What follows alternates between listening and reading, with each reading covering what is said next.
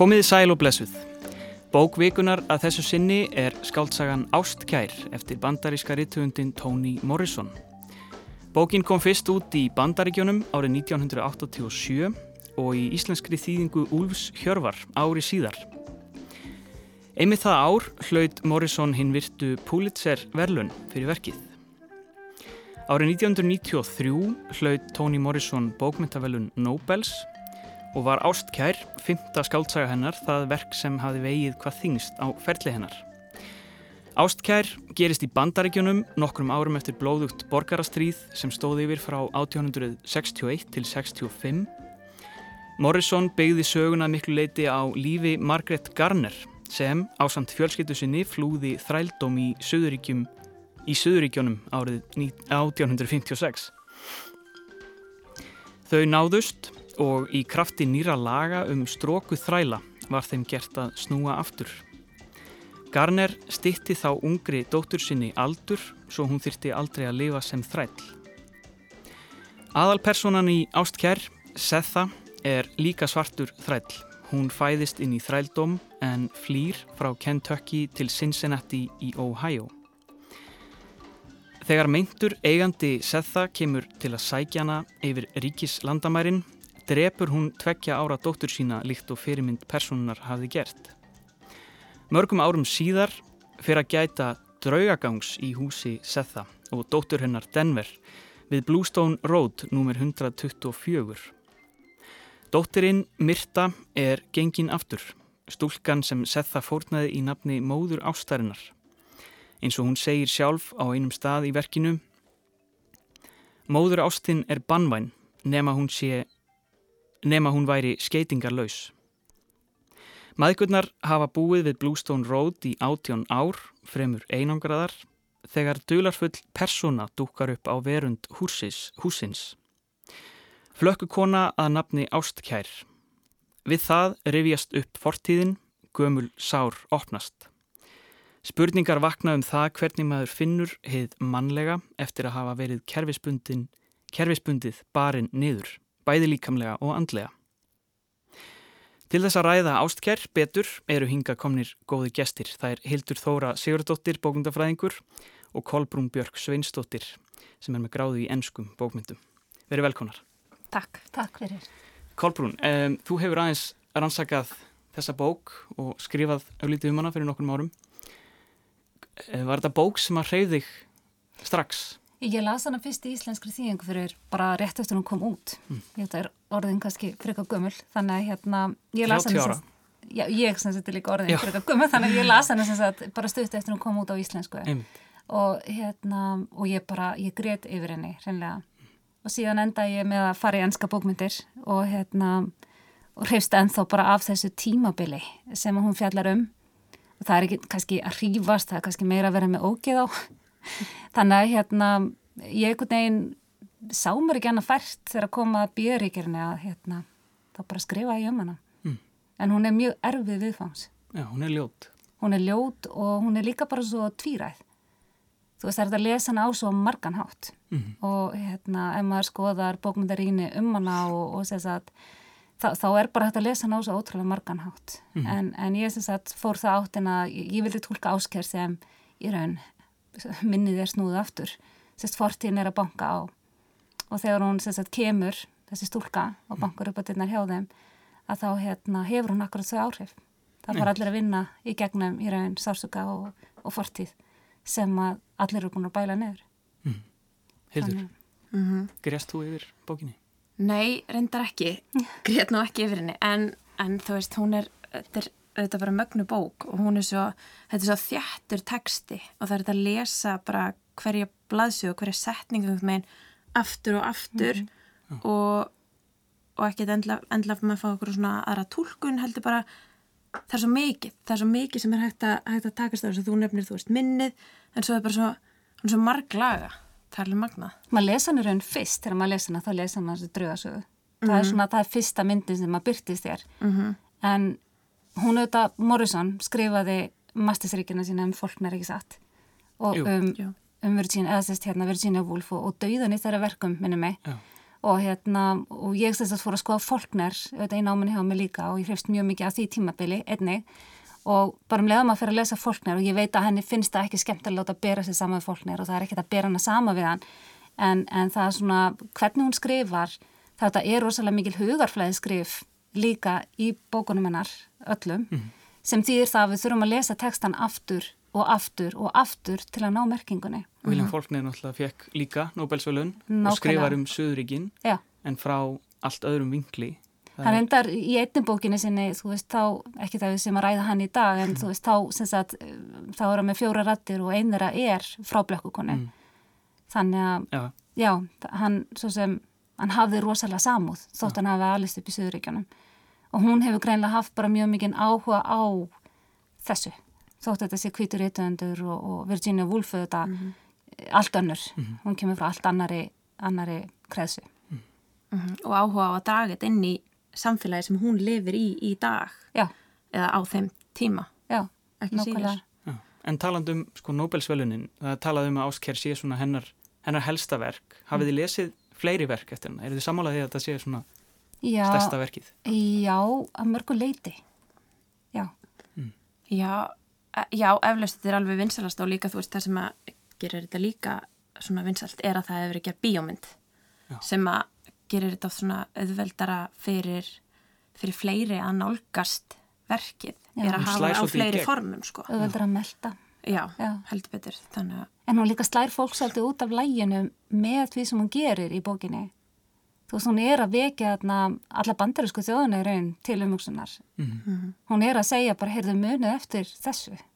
Þú veist, að því að ef við tölum bara um The Holocaust eða sem sagt hérna, hvað heitir það á íslensku, helfuruna ja. sem að gerist hérna, í setjum heimstrildinni þá er þetta ekki síður uh, sláandi, þú veist, en það bara einhvern veginn er ekki talað um það uh. -huh. og ég meina Toni Morrison segir sjálf 60 million and more, þú veist, þú veist 60 million mann sem hafa dáið bæði í þrælahaldi og líka sagt, í þessum middle passage sem að veist, allir þurft að fara í gegnum sem að voru teknum frá Afrika og fluttir inn mm.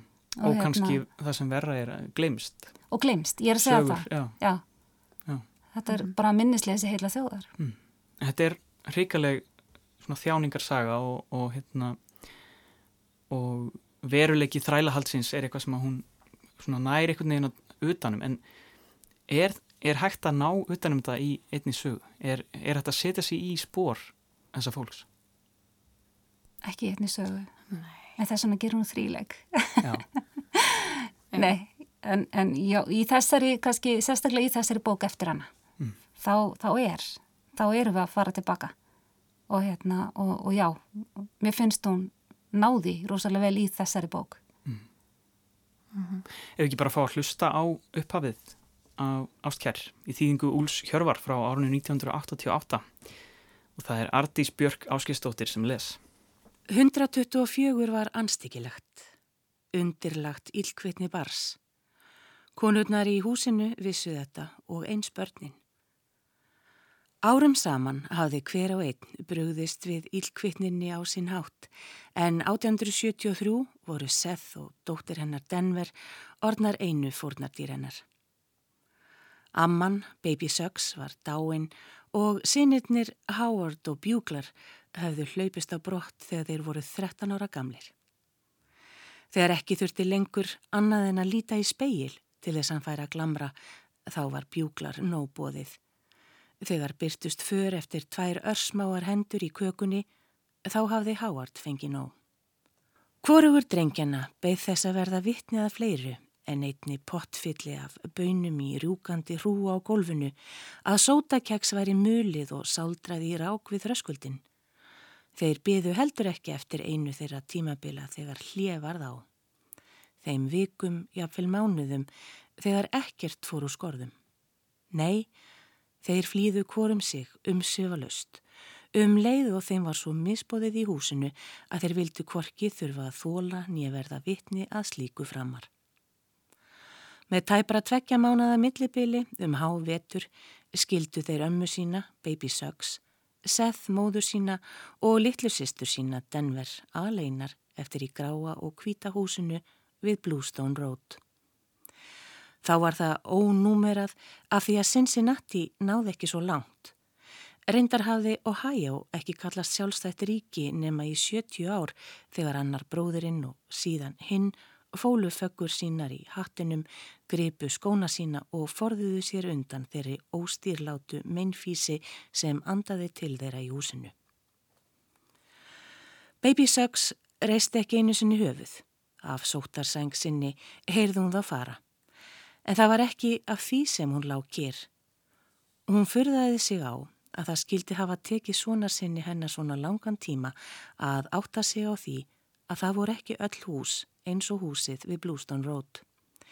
Það sem hún hjarði milli harnesku lífsins og hundsku dauðans gatt hún korki haft sinnu á því að hverfa frá þessu lífi, nýja lifa því. Hvað þá heldur ótt að tvekja strókudrengja? Líf hennar hafði áður verið eins og það var nú, óbærilegt.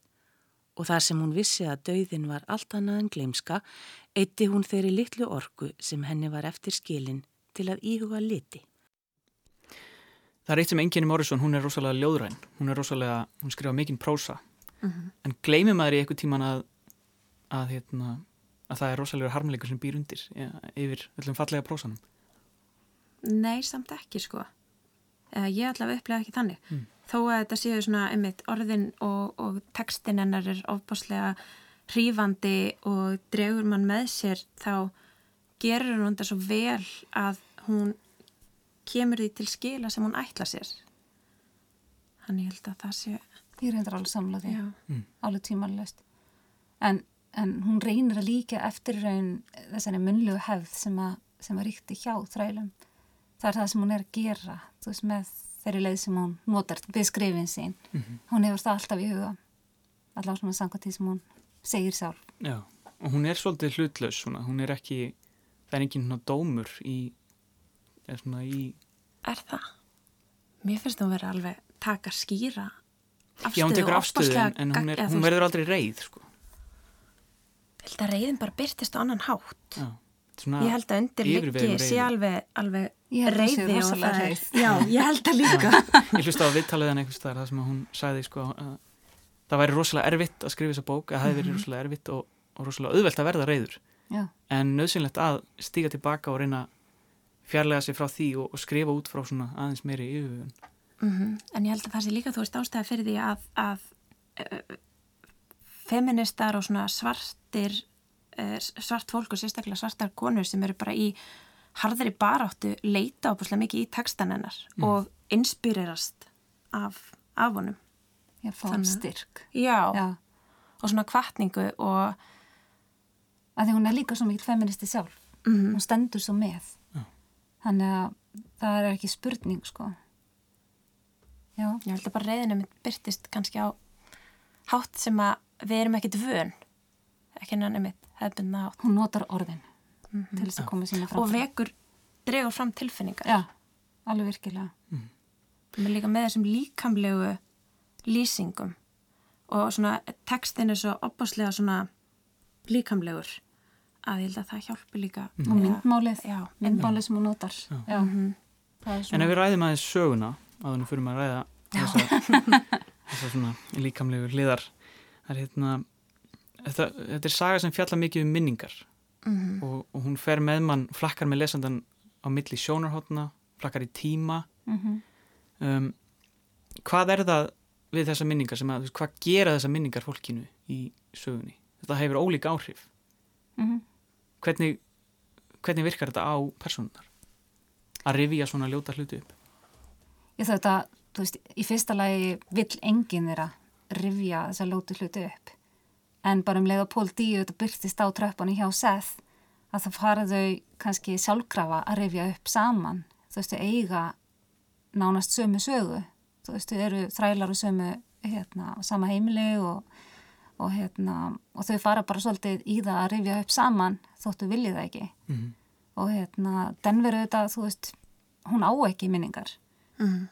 hún auðvitað er búin að bara lifa við í raun draug í húsinu síðan hverjut kvennar og, hérna, og það er líka gefið svolítið í skinn hérna, í bókinni að allavega svona það sem að getur lesið þetta rauðuljós sem að er ekki bara sem drauguljós heldur eins og sett það að vera að selja sjálfa sig hreinlega.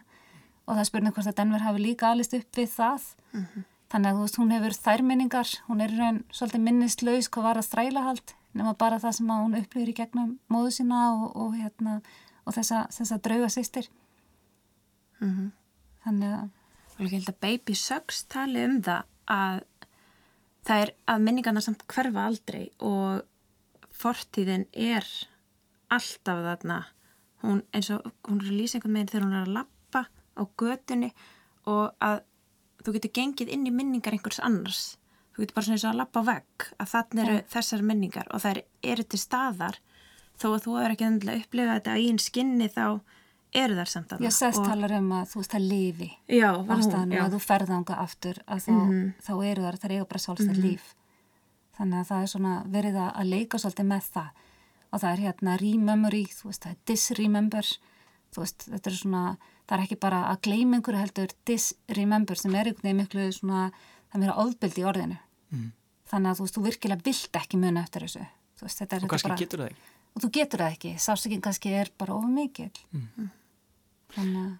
og það koma þarna personur bæði Paul D kemur í upphafinu og svo kemur Ástkær mm -hmm. sem að svona, við fyrstu sín virðist vera einhvers konar holdgerð eða draugurinn holdgerður mm -hmm. en það er samt svona óljóst það er aldrei aldrei sagt berum orðum en svona ímsa vísbendingar en Morrison er eiginlega að þvinga lesandan líka til að þvinga bandarækjumenn til þess að revja upp þessa sögu Já. og svona róta þessu svolítið upp í samfélaginu mm -hmm. og það er kannski eitthvað sem er hægt að ræða í, í tengsluði nútíman Meina, er... ekki spurning Já, algjörlega en það er þetta ásker kemur inn hérna og, og þú veist þetta gefur það til kynna hún sé þess að badnið í raun sem að Seth tók lífi frá mm. hérna að því að þú veist henni er lístannig, þú veist hún er með sletta húð mm. og, og engin svona það er engin merkjum og hún sé búin að eldast neitt.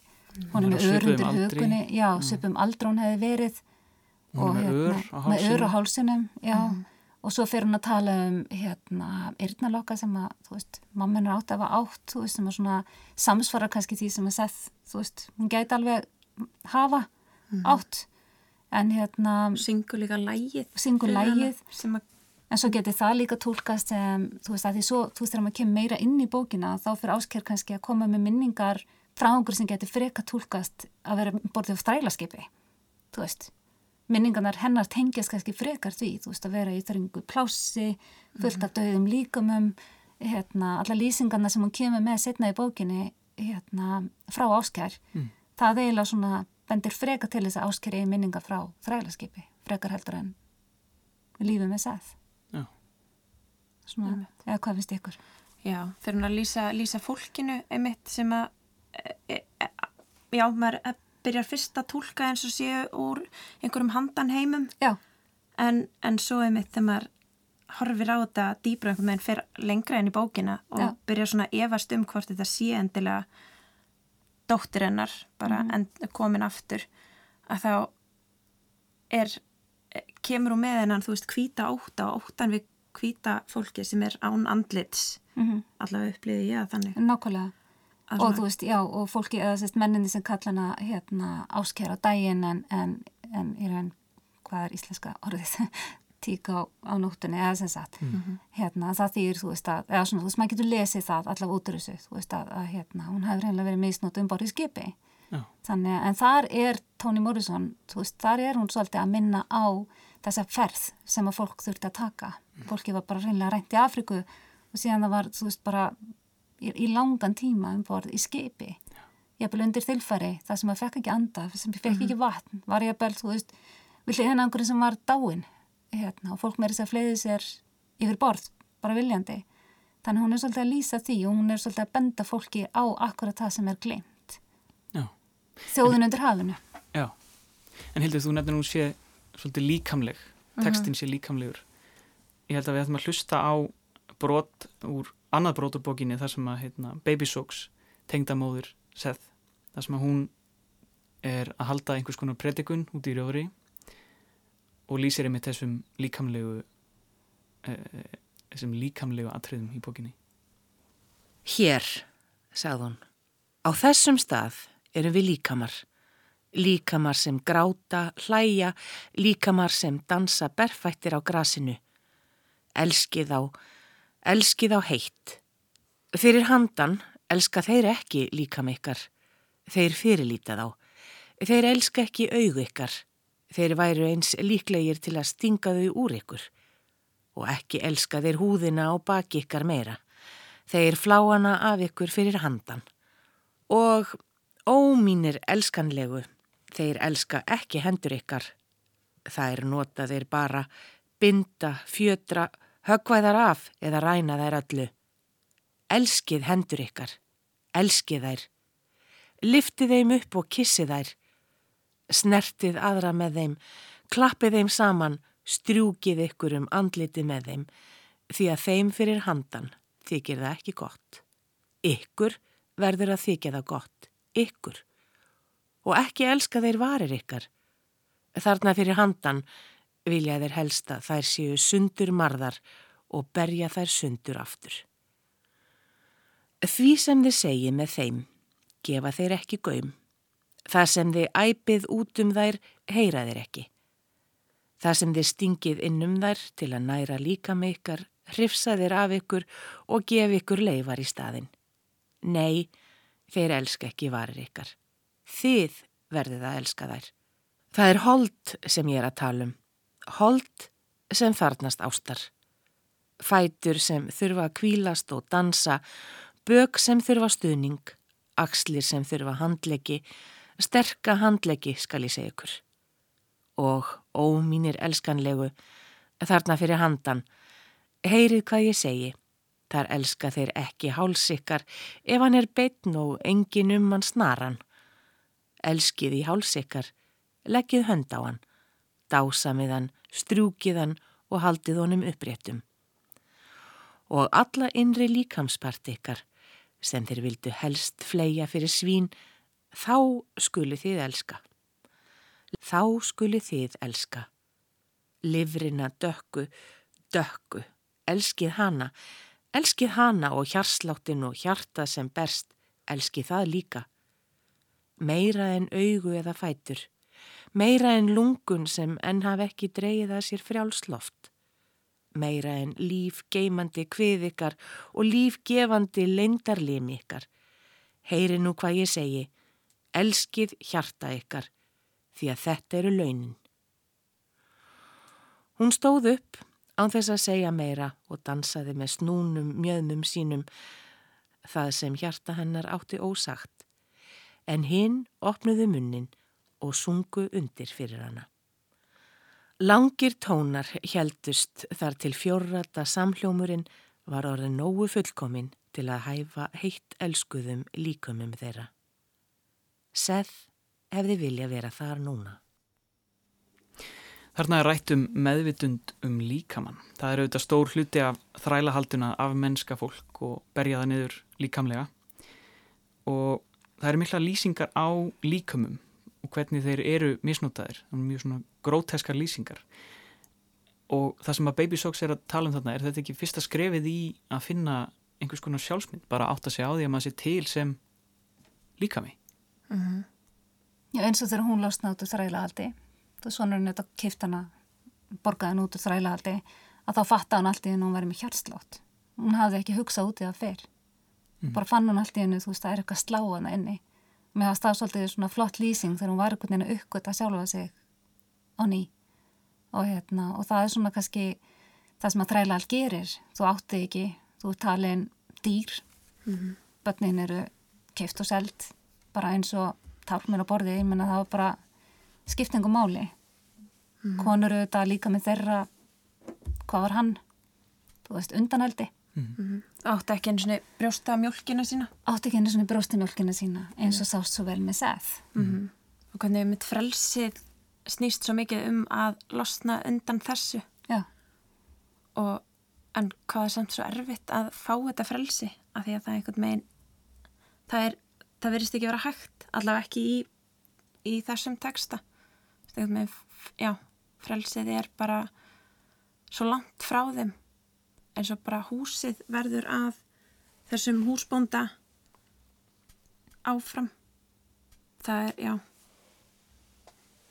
En svo er það líka líka minn á seth það er mjög myndræn lýsing mm -hmm. á mhm. bakinunnar mm -hmm. og eftir hýðingar mm -hmm. og hún lýsir í sjálf sem e, eins og, eins og sé tré -hmm. hvernig, hvernig er þetta að lesa? Er þetta að lesa mjög, mjög margt úr þessu tré? Það er þetta Amy Denver sem hjálpar henn að fæða barnið sitt þegar hún er að flýja mhm. hún auðvitað lýsir þessu sem tré fyrst til að byrja með mhm. hjá seth og hérna að sem er þess að blóma því og fleira og hérna er ekki verið að segja svolítið bara að, að hérna ég meina tré eru falleg en hérna þau kannski leina, þú veist, fallið getur líka leint einhverju ljótu og hérna, já, og tríðu þetta, þú veist, táknuðu rosalega margt ljótt í raun á þessum tíma, veist, hvert var fólk, ég menna, hengt, þú veist, mm. lynchings, þú veist, og, og hérna, og bara ljótleiki tengdu trjám, en samt svona falleg og ég held að hún hafi fundið einhverja svona hugun í því, þú veist, mm -hmm. tríður líka trössins verði einhvern veginn þú veist, Já. þau eru svona eitthvað til að Pól D til dæmis, þú veist hann svona sóti hugreistun í tré mm -hmm. og líka samt sko að þetta að þessi Amy, þessi hvita stúlka sem hjálpar henn að fæða, hún sem manneskjan sem að skilgreinir þetta Já. er alveg með tákgrænt hún sem hvít manneskja sem er í rauninni hvita fólki sem að setti þessi ör á bakið á henni. Mm -hmm. og það að hún skilgreinir þetta sem tré er svo mikið að breyða yfir hvað þetta raunverulega er. Þetta, þetta er ekkit endilega það fallega sem hún vil halda fram með þetta. Svo er líka lífsinstrið þetta er mm -hmm. bara ákveði skref í veist, hún losnar aldrei við þetta. Nei, akkurat. Og þetta er bókstaflega á bakinu á henni fyrir aftan hana. Mm -hmm. hún sér þetta aldrei sjálf. Nei, hann er þarna samt. Þetta er þarna samt. Já. Þetta er þessi líkamlega ör sem hún ber eftir ofbeldið og hérna hvað er hægt að kalla þetta annað til þess að reyna að að setja einhverja fegur í það. Mm -hmm. að það er mögulega hægt. Já. Þrælarnir í upphæfisögunar eru búin að vera frjálsir í næstu í áratug. Og en er það samt raunverulegt frelsi, eru þau ekki öll meira og minna þrælar ennþá? Mm. og allavega fangar minningana og fangar að einhver leiti Jú, ekki spurning, ég held að Já. og bara eins og í lók bókarinnar þegar hvíti maðurinn kemur aftur eigandi húsins að bara óttinn sem að grýpur um sig er svo gríðalegur að maður finnur það bara sjálfur við að lesa að þetta er þetta er enþá til staðar og já er, er ekkert að fara að fara. Mm -hmm. og er enþá í dag. Já. Já þetta ég menna þarna var fólk ekki komið raunverulegt frelsi. Hérna, það var ekki náðu langu tími liðin til þess að við getum nokkuð tíma að vera búin að jafna sig. Og hvað þá, ég menna, sem er sátabur í súpunni ennþá, þú veist, sem er þurftu bara að vera um kjört hjá sínum fyrrum eigundum og hérna höfðu ekkert stað til að fara á og það er þetta þessuna kannski sem að Toni Morrison ákveður að skrifa jazz að því, þú veist, það tekur næsta tímanbel við og hún vil sína, þú veist, hei, ok sömur sáu kostið í að fara sagt, í Norðuríkinn til þess að leita sér að vinnu og fá smá meira frelsi mm. mm. af því ástandu þetta í Suðuríkjanum bauð bara ekki upp á margt og einniðan eitt nátt mm. en raunvöld frelsi, nei hvorki minningum tengt eða ég held að fólk hafi verið rosalega fast í ljótleikanum en þá ja. Pól D, hann fer norður, fer hann ekki norður og er eitthvað þar en hann kemur svo aftur. Hann kemur svo aftur. Hvað er líka bara þörfin í endilega þú veist, þó þú farir norður og finnir fyrir þetta þessu, þessu frelsi en að gæðsilappa ja. þá er það samt ekkit endilega raunverulega frelsi þú far svo, hann kemur aftur.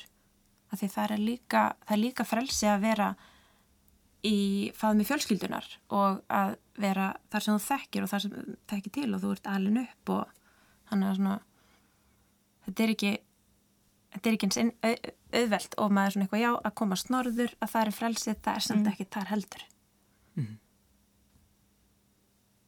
Mm. En ef við ræðum þessa, þessa undarlegu personu Ástkjær sem kemur, kemur þarna á bæin hún hefur rosalega mismunandi áhrif á þá sem búðar -hmm. og það er svona það er hægt að lesa mjög margt í hennar personu en hva, hvað táknar hann? Hvað er hægt að lesa í hennar í kljótibræði? hún dregur áslega fram með mitt þessar minningar, bara fyrsta sem hún gerir er að hún byrjar að spurja hún byrjar að, að, að krefist þess að fá svör frá Seth aðalega og vill að hún svona opni sár sem hún er búin að loka eða allavega reyna að loka myndi þetta vera svona alveg endalösa spurningar og, og, og hún uh, vil stöðut fá sögur og að einhver segir sér frá bara lífinu þannig að hún dregur fram. Það er þetta fyrsta skrefi í raun að komast yfir fortíðina er að segja frá Mhm. henni. Að opna sig um hana þannig að þú veist, hún dregur það svolítið fram hjá seth. En svo þetta þegar framlega stundir veist, þá þetta ætlar fortíðin virkilega að gleipa hana í formi áskær að mínum að þið Hún held tekur hann alveg hún heldur hann alveg gjörsamlega og hún tekur allt frá henni og seth bara rýrnar og rýrnar Mhm. og er nærdauðin lífi þegar Denver loksins finnur kjarkin og þroskan til þess að fara og sækja hjálp. Og það er áhrifin sem þetta hefur á Denver. Hún, hún, það er í rauninni hún sem þroskast miklu meira Mhm, heldur en. Seth. Það er hún sem algjörlega. finnur ástæðana til þess að fara út og og Denver er alltaf tilbúin til að taka móti sögunni. Sögunni sem hún var í raun ekki, ekki klári í því hún vissi að hún vera átti eins og ekki lóðlega hlutild í þeirri sögu, Nei. þetta var ekki hennar nei, nákvæmlega, hún Fortíð. vildi helst ekki vita af henni Mm.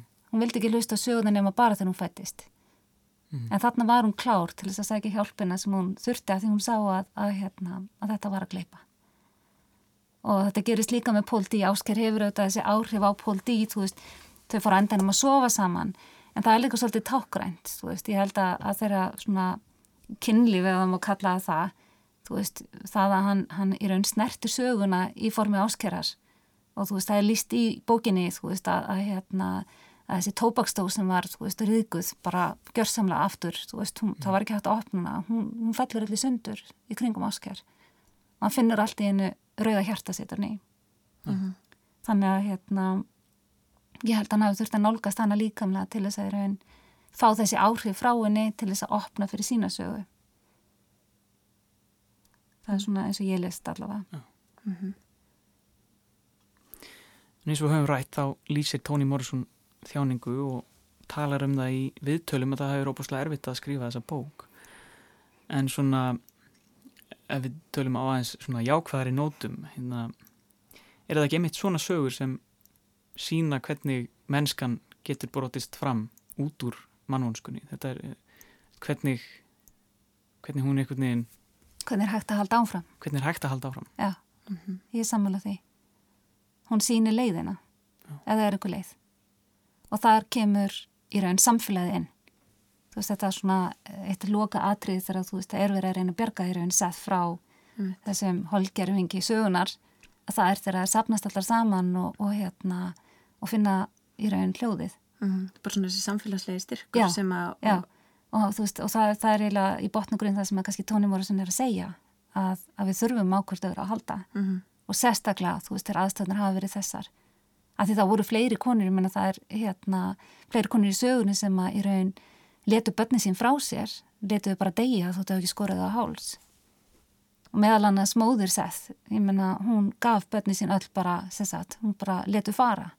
Af því hún vildi ekki eiga börn sem að voru til eftir nöðgun eða það kemur mjög skýrt fram. Mhm. Og hún hjælt bara seth af því að hún hafði lagt hendur sínar um þann mann og það er eins með Ella sem kemur hérna og hún er í forsprekki fyrir raun þessi, þessari samfélags heilun sem hún verður fyrir hún hefur þetta gerði slíkt í sama hún raun hérna allir í barstöða Mm. vegna þess að hún vildi ekki, vildi ekki eiga í raun þetta eftir það sem hún gekk í gegnum þannig að En við ræðum þetta í tengslu við nútíma. Nú er eins og bandarækjumenn séu bara mjög skamt á vegi komnir að díla við þessi mál. Þetta, er, já, þetta verðist einhvern veginn koma upp með hverju kynslu, ný, ný rödd sem að þarf að opna á þetta gamla sár. við þurfum alltaf að hafa eitthvað, þú veist, við og hinnir Já, og ok, hvað vann Trump á? Vann hann ekki bara á fáfræði? Og hérna að gera einmitt fólk sem að var ekki nú að upplýst rætt við hina. Mm. Ólan ekki óta, svolítið. Og hérna, og mér finnst það vera svo oft, hérna, það vera að hræða fólk í raun, þú veist, hinnir, þú veist, the other. Mhm. Að hérna, að mér finnst það svo algengt. Og í bandarækjunum er það núna, hérna, óleilir inflytendur, múslimar, skotarósin í, hérna, sem var núna í Las Vegas. Hvað hefði gerst ef þetta hefði verið múslimi? Eða ólöglegur Eða svartur. inflytandi? Eða Já. svartur, eða, já. hvað hefði gerst, Mhm. það hefði allt orðið vitlaust en hver eru viðbröðin núna? hann var afi Já, skiljiði mig þannig að hérna, það er eina sem er sagt um já, hennar mann já Það er líka bara ennþá áframhaldandi ótti einhvern veginn, ekki bara já, bandaríkjaman og svo sem fleiri bara við að horfast í augu við fortíðina. Þetta er svo rosalega mikið hræðsla sem fylgir þessu. Að, að einhvern veginn viðkenna fyrir þér að þú, að, já, að þú sést að fjölskyldu, fjölskyldu að þú ert landa aftur ættir, beitti þessu hörmulega ofbeldi. og það er ekkert svo langt síðan. Nei, það er ekkert svo langt síðan Þetta að er voru nefnilega ekki til langt síðan. kynnslóðir sem bara áttu bóreldra eða nákvæmlega. Og þetta, maður getur kallað þetta samilitt minni sem að fólk eru að neytar að horfast í augu við. Mm. þannig að það þarf að halda þessari umræðu á lofti. Þannig að það er svona bækur það þarf svona bækur það er ekki spurning en samt halda bandaríkjum en svo fast samt í, þú veist, í hvíta fólki sem, a, sem að var alveg í forsprakki fyrir þessu og það, hvað þetta snýst mikið um eins og að taka hérna söðuríkjafánan, að hann, honum sé ekki lengur flaggað á opinbyrjum byggingum. það, var rosalegt Já, og það bara, allt ætla bara um koll að keira, Já. af því að fánin á að, á að fara. nákvæmlega og stýtturnar af, af leiðtógum Já. Já. En þið sjáu líka bara hvað aðskilna, hvenna var aðskilnaði stefnan afnömin í bandreikinum. Það er bara svo örstuð síðan sem að þeir, þú veist, fá full réttindi. Hvað 1960 og kannski fjögur eða eitthvað. Og, hérna, og, og mér finnst það alveg svakalegt að það sé ekki lengra síðan. Og, hérna, og við erum svo fljóta farið sem að farið. Og, hérna, og mér finnst svona, við þurfum að passa okkur. Alveg virkilega að vanda okkur. Og, hérna, og, og mér finnst að bandarækjuminn sérstaklega þurfa kannski aðeins að, að skoða sitt með svona forseta eins og, eins og er í gangi núna sko. ef ekki bara láta þetta vera að loka orðin svona varnar, Já. varnar orð Varnar orð. varúðar orð Þannig ljúku við umfjöllun um bók vikunar sem að þessu sinni var Ástkær eftir Toni Morrison. Gesti mínir voru Kolbrún Björg Sveinsdóttir og Hildur Þóra Siguradóttir og ég þakka þeim fyrir spjallið. Hlustendur vil ég minna á heimasíðu þáttarins rú.is gástrygg bók vikunar þar sem má nálgast eldri þætti. Takk fyrir að hlusta.